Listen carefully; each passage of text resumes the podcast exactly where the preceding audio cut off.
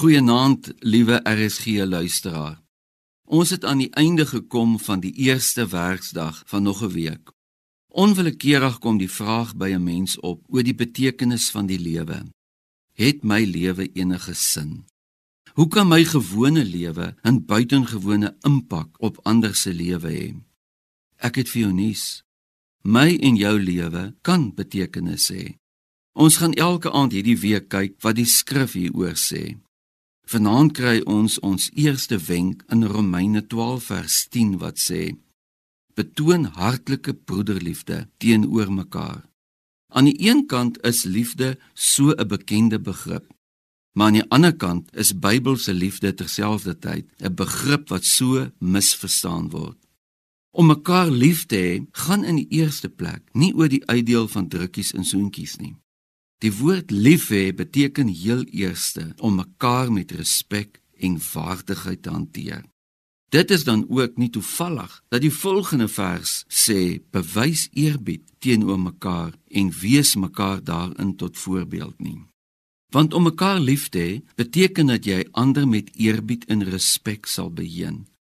Dit beteken dat ons hoflik teenoor mekaar sal optree omrede ons besef dat die ander persoon net soveel waarde voor God het as wat ek waarde by God het.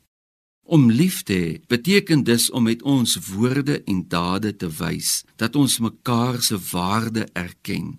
Dit beteken dat ons vir mekaar omgee omdat ons mekaar as kosbaar erken.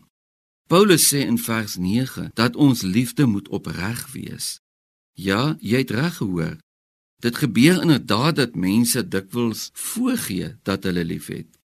Daarom dat Paulus dit benadruk dat ons liefde opreg moet wees. Dit moet uit ons hart uitkom. Dit is so maklik om toneel te speel en die regte geluide te maak sodat dit daarom lyk en klink of ons liefde het. Maar snaaks genoeg, ons kan nie mense vir te lank bluf nie.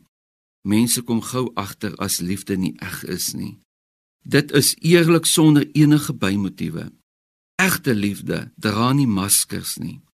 Wanneer ons ander so liefhet, het ons lewe betekenis, want dan laat ons die waarde van ander mense se lewe na vore kom. Kom ons bid saam. Hemelse Vader, dankie dat U ons eerste liefgehad het. Dankie dat U ook vir ons kom wys het wat dit beteken om waarlik liefde uit te leef. Vader, Help ons asseblief om verby ons vooroordeele te kyk en om onvoorwaardelik lief te hê en om ander mense hoog te ag. Amen.